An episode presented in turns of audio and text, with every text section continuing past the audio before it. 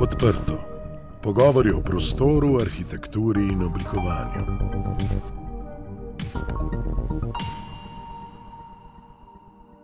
Pozdravljeni v tretji sezoni podcasta Odprto. Z vami sem Lenka Kavčič. Danes se bomo pogovarjali z arhitektom Jurjem Kobetom. Pogovarjali se bomo o arhitekturi prenove. Prenove pomembnih stavb kulturne dediščine postajajo vedno bolj aktualna tema znotraj arhitekturne stroke.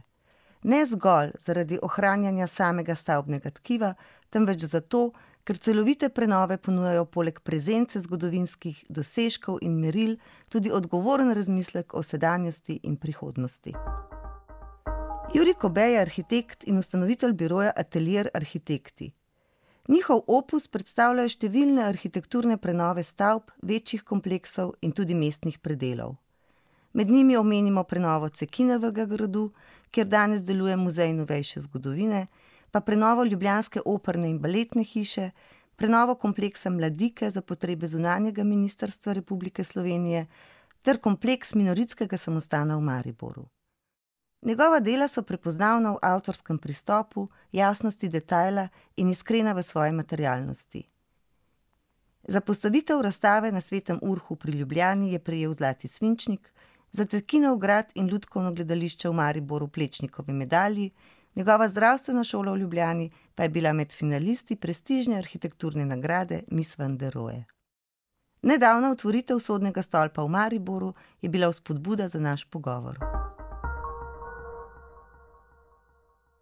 Jure Zdravo. Živijo. V letošnji program Festivala Odprte hiše Slovenije je bila uvrščena tudi prenova minoritskega kompleksa v Mariboru, svojo zadnjo pridobitvijo, to je prenovljenim sodnim stolpom. Sodni stolp je zaključek faze prenove minoritskega kompleksa, ki se je začela že v letu 2004, ko ste zmagali na natečaju. Kako poteka prenova takšnega velikega kompleksa, ne samo po dimenzijah, ampak tudi v času? No, seveda, to je ena daljša zgodba, ki se na srečo odvija tako kot vse. Ne. To pomeni, da imamo to srečo, da ima kondicijo tako naročnik kot mi, da je pripravljen na nek način voditi in dejansko iz strani naročnika. Uh, je to človek, ki vodi to zadevo že skozi vsa ta leta. In to je ena zelo srečna stvar, ki se tudi lahko zgodi, ne? ker uh, marsikomu pojenjajo moči. Ne? Pa ne mislim tukaj na projektante, ampak na naročnike, zlasti v času, takem kot zdaj živimo. Ne? No, ta kompleks je seveda kompleks, dobesedno je sestavljen ne? zelo iz različnih uh, objektov. Ne? Eno je samostan drugo je crkva, tretje je uh, zunanji prostor, ki je na vrsti zdaj zunanji auditorij, in potem je ta stolp, in potem se zdaj le še zaključuje. Zadnja, res zaključna stvar, oziroma zadnji dve zaključni stvari, to sta uh, objekt Tri Babe, ki bo nekakšen vhodni objekt v ta kompleks, potem pa trg, ki povezuje te objekte. Ne. Sveda je ta zgodba šla počasi, uh, začel se je z natečajem, uh, ki je kot uh, cilj natečaja uh, želel umestiti ljudsko gledališče v minoritski samostan. In anketni del natečaja pa je zajemal vse te objekte, ki jih danes skozi tere se bomo sprehodili. No, potem je seveda nekaj let trajalo, da se je uh, naredil, naredilo to ljudsko gledališče s tistim stolpom, ki, odrskim stolpom, ki služi na eni strani gledališču, zaprtem ljudsko gledališču, na drugi strani zunanjemu letnemu auditoriju. No, potem se je ta prizoritveni vsota ali pa sklop prizorišča razširil na crkvu, ki zdaj že nekaj časa funkcionira z obemi svojimi nadstropi. Zdaj smo zaključili ta sodni stolp in zdaj se pomikamo proti temu zadnjemu objektu, ki se kliče Tri babe. No, to je ime je malo hecno, ampak lahko si predstavljate, to je bil svoj čas. Kompleks, ki je na skrajnem jugozahodu Mariborskega, ožjega, najožjega mestnega območja, tiste znotraj tega značilnega Mariborskega kvadrata, ki je bil včasih pravzaprav vsota eh, skoncentrirane, po eni strani intelektualne moči, ne, če rečemo eh, samostanke, ki je včasih bil edina taka ustanova, ki se je izrazito bavila s tem, in po drugi strani eh, gospodarske moči, ker je bilo to pristan za eh, seveda trgovanje z lesom, ki je priplaval dol po Dravi. In jasno, eh, je temu trgovanju zmerom botrovala tudi eh, seveda eh, problem jasno nesporazumov in zato je bilo potrebno seveda te nesporazume na nek način gladiti, razsojati in zato je ta sodni stolp dobil to ime. V resnici je to en jugozahodni stolp mestnega obzidja, v katerem seveda se potem marsikaj skozi zgodovino dogajalo. Mioritski kompleks je nastajal skozi čas, v njem so se nalagale določene usedline eh, časa, so, so, so, so ga dograjevali, razgrajevali, podirali. Eh, kako je eh, v, tem, v tej zbirki plasti časovnih, kako najdete tiste izhodišča, ki jih upoštevate, kjer razkrijete, kjer jim date prednost in tiste kakovosti, ki jih želite skozi svojo prenovo pokazati in ohraniti?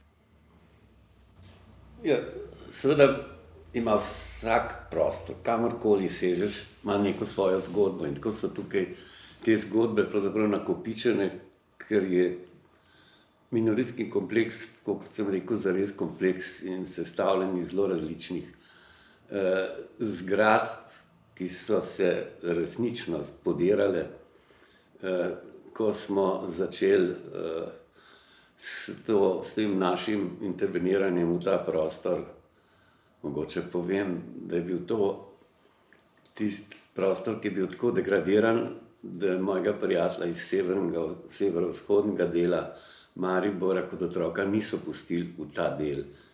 Uh, ker je bil tako ne zaradi uh, fizične degradacije, ampak zaradi uh, vzdušja, ki ga opisuje Jančar v svojem uh, severnem siju, kjer si lahko predstavljate, kaj je bil vse, kaj se je tukaj vse godilo, jasno v tistih prostorih, ki so nekdaj cveteli in so potem seveda se zelo razcveteli v drugo smer.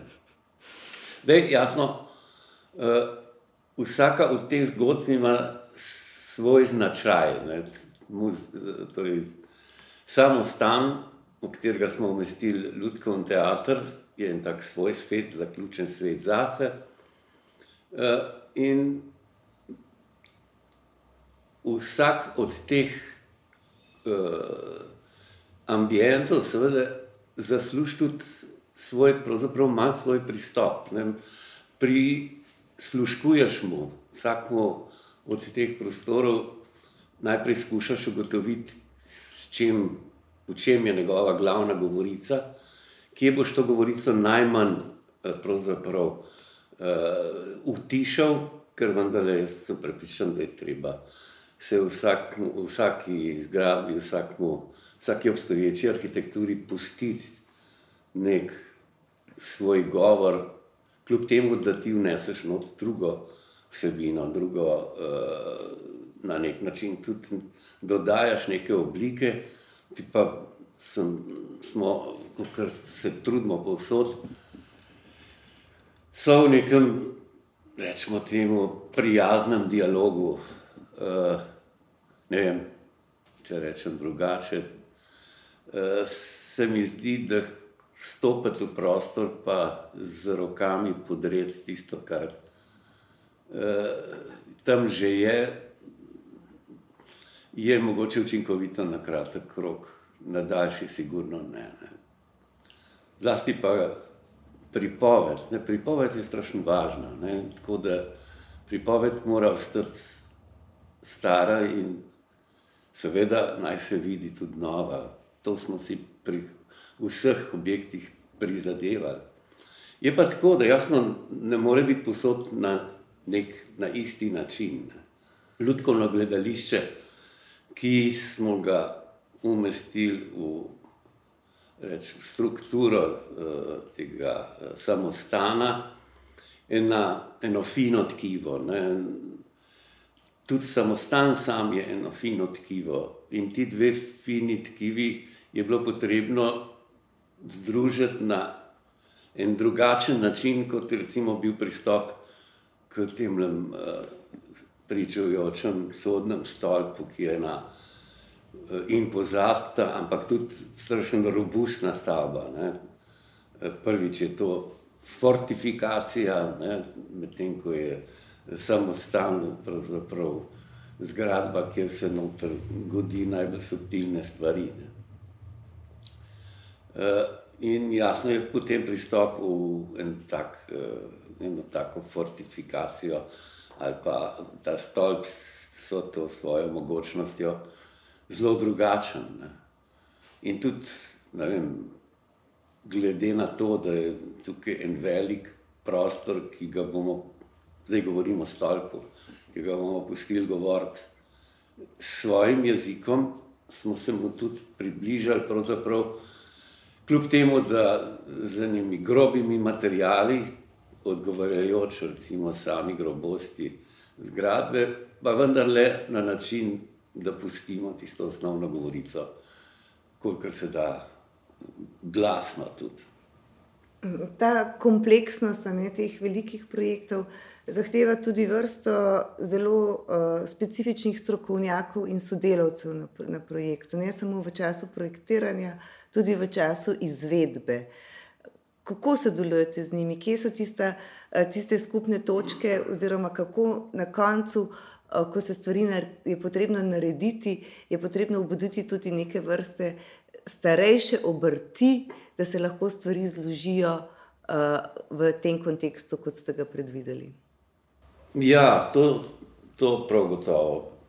Uh, ti zunani sodelavci, kot jih rečeš, jaz mislim, da so to kar sodelavci, ki so zelo pomembni pri teh pri prenovah vlasti. Uh, uh, so zelo pomembni in mi pravzaprav, ne vem, jaz osebno ne vidim nekega, nekih hudih konfliktov, ki bi jih imeli skozi vso to zgodovino.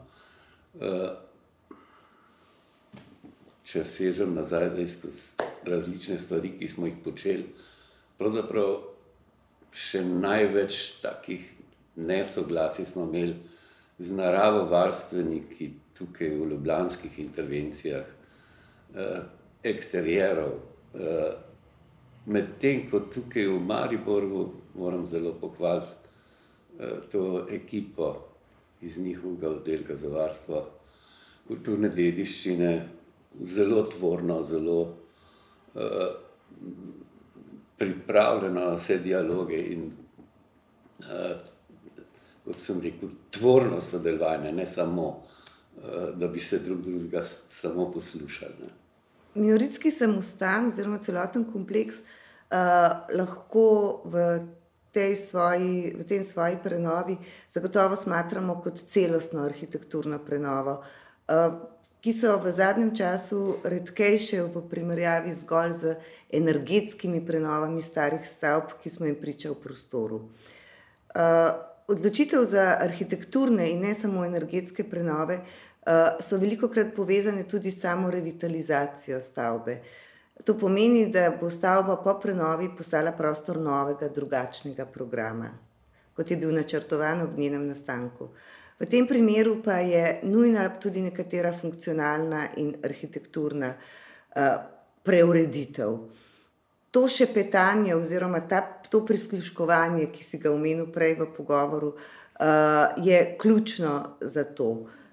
Tako kot si že pravzaprav s vprašanjem načela, uh, vsak objekt ali pa vsaka zgradba, vsak prostor, kamor se približujemo, skušamo res uh, z vseh zornih kotov najbolj spoznati in uh, videti, kje je tisti njegov govor, in potem poskušati tisti nov program, ki bo vnešen v ta prostor, uh, oblikovati tako, da bo ta dialog čim bolj že spet sotvoren, sodelujoč, ne da bomo izključevali enega in drugega, da se bodo stvari dopolnjevale. Eh, tisto, kar ima zgradba zapovedati svoje do te danje eh, govorice, pa potem ali pa do te danje dobe, ko je služila nečem drugem, in potem seveda od tam naprej. Seveda je pa to treba zelo tehtati. Ne? In tukaj so uh, poizkusi, pa so recimo nočne bdenja, pa so sigurno. Jaz mislim, da ni ene, enega resnega dela brez tega, da bi mal trepetal, uh, ko se približaš eni stvari. Ne. O poslanstvu vašega biroja, ateljer arhitekti, uh, ste povedali, da niste samo vi tisti, ki prinašate novo arhitekturo, uh, temveč da arhitektura sama prihaja k vam vedno znova, tudi iz različnih časov in tudi iz različnih krajev. Uh, prenove so torej tisti projekti, eni izmed njih, s katerimi se ukvarjate, uh, ki predstavljajo kar bogat vaš opus. Pa me zanima, se je to zgodilo slučajno ali je ta zgodba do zgodovine in prepletanja sodobnosti s preteklostjo uh, se v vaši arhitekturi uh, pokazala na, uh, z namenom? No, tam to, ta moto, eh, ki si ga citirala, eh, nikakor ni mišljen samo za arhitekturo prenov. Ta moto je absolutno mišljen za način dela, ki ga skušamo, uh, ki mu skušamo slediti v popolnoma vseh projektih, pa naj gre to za velike nove zgradbe ali pa za prenove vseh meril, od velikih do tistih najmanjših. Namreč praznega prostora ni, ne? Uh, prostor ni list papirja, uh, ki ima svoje dimenzije, pa na katerega ti nekaj narišeš pa potem tisto izbo ali obesiš na steno ali pa zmečkaš. Prostor je zmerno tam. Ne. Nikoli ne bom pozabil, enkrat je v Piranu, Svere Feng govoril, ko je moral narediti uh, muzej, uh, skratka, glacialni muzej, skratka, muzej sred beline ledu. In je govoril o tem, skratka, sred ničega. Je govoril o moči tistega ledu. Skratka, ni prostora, ni poštava, ima svojo zgodbo, pa tudi je poštava. Ne? Kaj šele vsi tisti prostori, ki so nabiti, kjer je stisnjena ena kultura, najmanj 500 let ali pa 1000 let, to, kar je v tem primeru Mariborskega kompleksa, ne? kjer je to stisnjeno in jasno, da moraš to pustiti govoriti. In ne samo to, da tukaj iz tega se rodi že ne, ne vem, koliko je na moreš v procentih reči, ampak v velik procent arhitekture je že to, da ti tisti prostor bereš. Ne. Zato taka dikcija, ne, nekateri so se zelo norca delali iz tega, da je to pravzaprav vstop v svet na mala vrata. Uh, ja, tudi to smo slišali. Ampak uh, jaz mislim, da to mi ni šlo zelo. Eh, doživega in na nek način se bomo verjetno to trudili delati še naprej. Ne. Veliko projektov ste pridobili s sodelovanjem na arhitekturnih natečajih. Uh, zadnji... ja, tako rekoč, vsa velika dela. Dobili na mizo smo samo male, male projektiče. No, zadnji med njimi je doživljajski most. Ja, ja. Uh, pa se mi zdi pomembno izpostaviti tukaj eno tako simboliko. Eh, med prenovami in prenovljenimi stavbami in mostovi. Mostovi povezujejo dva bregova, stare stavbe pripovedujejo in povezujejo preteklost z sedanjostjo in nakazujejo prihodnost. Uh, torej je ta vaš arhitekturni kredo celega biroja, ne ustvariti uh, spoštljiv dialog s prostorom in nagovoriti njegove uporabnike, Eh, na nek enostaven, brljiv način, eh, da jim bo prostor postal, eh, da se jim bo prostor s tem približal. Most je res uh, ena uh, oblika zgradbe, ki povezuje dva bregova. Je pa to ena oblika zgradbe, kjer se pravzaprav koncentrirajo uh, ena vrste, so, koncentrirajo ena vrste socialno življenje. Zmerno je to nek fokus, eh, na mostu se vse zgodi. Eh, tako da to je eno strašno pomemben del arhitekturne naloge. Tukaj pride, prej si sprašvala o zunanjih sodelavcih, o sodelavcih. Tukaj pride do zelo pomembnega dialoga med enim močnim projektantom mostov, to, so, to je res posebna veja stat, statikov, ki se ukvarjajo z mostovi. Mostovi imajo drugačne eh, probleme, statične, pravzaprav zelo velik dinamičnih problemov, eh, ki jih na prvi pogled ne vidimo, pa v resnici nastopajo in morajo statiki to rešiti. Eh, jaz sem z mostovi sodeloval res pri mostovih, oziroma mi smo pri mostovih eh, sodelovali z zelo različnimi eh, inženirji. Moram pa reči, da smo pri tem natečaju, eh, ko smo sodelovali z eh, eh birojem Marjana Pipenbacherja, eh, imeli res eno krasno eh, zgodbo enega dialoga, kjer je eh, ta naša želja, da naredimo most, vzdih, eh, most doživljajev.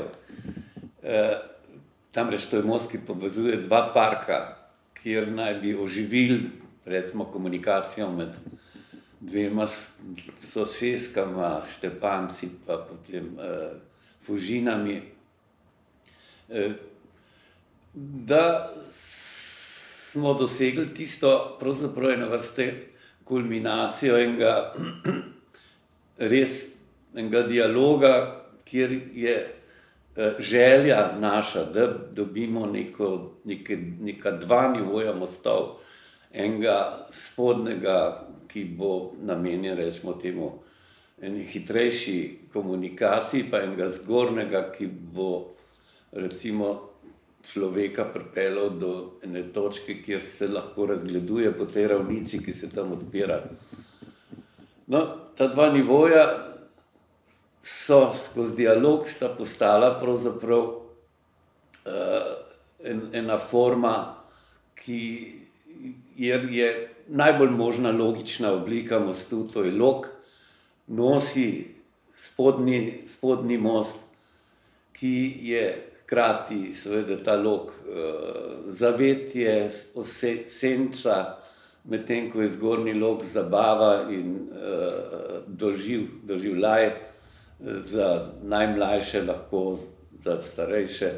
Tako ena, ena lepa igra, ki je res nastala pod, dialog po telefonu, dobesedno, ker Marjan je seveda iz uh, slovenske bistrce in ni vsak dan v Ljubljani. Ne. Kot res uh, pomembnega arhitekta slovenske skupnosti in tudi v mednarodnem, uh, v mednarodnem merilu. Uh, bi se rada do, dotaknila tudi trenutne situacije, uh, ki se dogaja na področju arhitekture uh, v Sloveniji. V bistvu je ta situacija nekako zelo specifična in polna nasproti. Po eni strani je slovenska arhitekturna sodobna produkcija, sodi v sam evropski in svetovni vrh z izjemnimi projekti, prepoznanimi in nagrajenimi. Po drugi strani pa se v Sloveniji stroka v nekih svojih temeljih bori za svoj obstoj in je polna notranjih nasprotij in konfliktov z, današnjo, z današnjim časom in z zakonodajalci. Kako ti vidiš možen izhod iz tega, oziroma kakšna naj bo prihodnost slovenske arhitekture, da bi lahko bila zgled in navdih večjim generacijam? Res imamo, mi imamo za ta mali narod skoraj tako čudežno, kot uh, je literatura. Vem, uh, nas postavlja ob bok vseh uh, svetovnih narodov, pa recimo, če začnemo šteti z tem, kateri smo bili med narodi, ki imamo prevedeno Biblijo.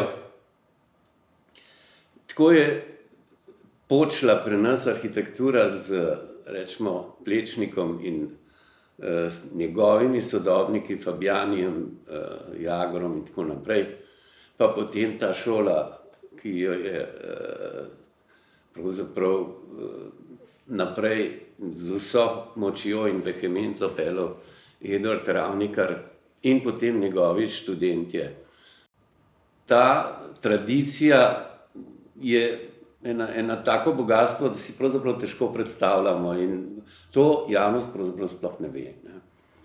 Uh, je pa ta tradicija zrasla na neki kulturi, ki je bila bistveno višjega nivoja, kot je danes splošna kultura. Uh, to je zelo žalostno reči, ampak je dejstvo. Uh, strašno pogosto slišimo, kako je socializem razvrednotil kulturo, meščansko kulturo. Samo ta kultura je bila za časa teh časov, ki jim rečemo svinčeni časi, bistveno na višjem nivoju, kot je danes. Ne. Lahko gledamo uh, slovenščino, ki jo so jo govorili takrat v ljudski skupščini, pa slovenščino, ki jo danes govorijo v parlamentu. In to vse pove, naše stanje kulture je tako, da pač te kulturne arhitekture v splošnem mnenju ne potrebujemo na ta način. Vse, vse že imamo, vse, je, vse, kar imamo, od gospodarstva do sociale, do zdravstva, do arhitekture naših mest, imamo iz predosvobojenega obdobja. Jaz sem seveda trdno pripričan, da arhitektura vzgaja kulturo, da se z dobro arhitekturo dviga splošna kultura. Samo uh, jaz mislim, da zdaj smo prišli v tisto fazo, ko to niti ni več uh, en faktor. Uh, neko briljantno arhitekturo jemljemo kot nekaj, kar se dobi tako, kot se dobi en uh, dobro funkcioniran avto. Uh, to pač pride, to kupaš, če, če rabiš, če ne pa ne rabiš. Zato se mi zdi tako pomembno to, s čimer se ukvarjate, skratka, s populariziranjem uh, kulture prostora, uh, ne na vrhunskem uh, intelektualnem nivoju, ampak na čim širšem. Ker tega ni, tega današnja, recimo, splošna kultura ne pozna pravzaprav. In je to izrednega pomena. Tako da jaz mislim, da edini na ta način, če jo bomo uh, arhitekturo spravili vse, ne vem, mladinsko časopisje v uh, splošno časopisje, ki je sicer polno enega enega rumenila, ne, uh, pa magari skozi rumenilo, uh, ampak ni na ta način. Bojo ljudje potrebovali arhitekturo. Hvala, uh, Jure, za, uh, za prijeten pogovor. Uh, hvala za vse vaše misli, hvala za vse uh, vaše, uh, vaš prispevek k kakovosti in kulturi grejenega prostora. Uh, veselimo se novih projektov in upam, da na naslednjih odprtih hišah uh, odpremo zopet še zanimiv, uh, dober projekt iz biroja Atelier Arhitekti. Tudi jaz se veselim. Hvala. Poslušali ste podcast Odprto, prvi slovenski podcast o arhitekturi, ki ga je pripravila ekipa OHS. Za akustično ugodje je skrbel studio Sonolab. Odprte hiše Slovenije se zauzemajo za dobro arhitekturo, ki je namenjena vsem ljudem. Prisluhnite nam vsakič, ko boste o prostoru želeli izvedeti več. Da smo lahko odprto spregovorili o prostoru, nam je svojo podporo omogočilo Ministrstvo za okolje in prostor.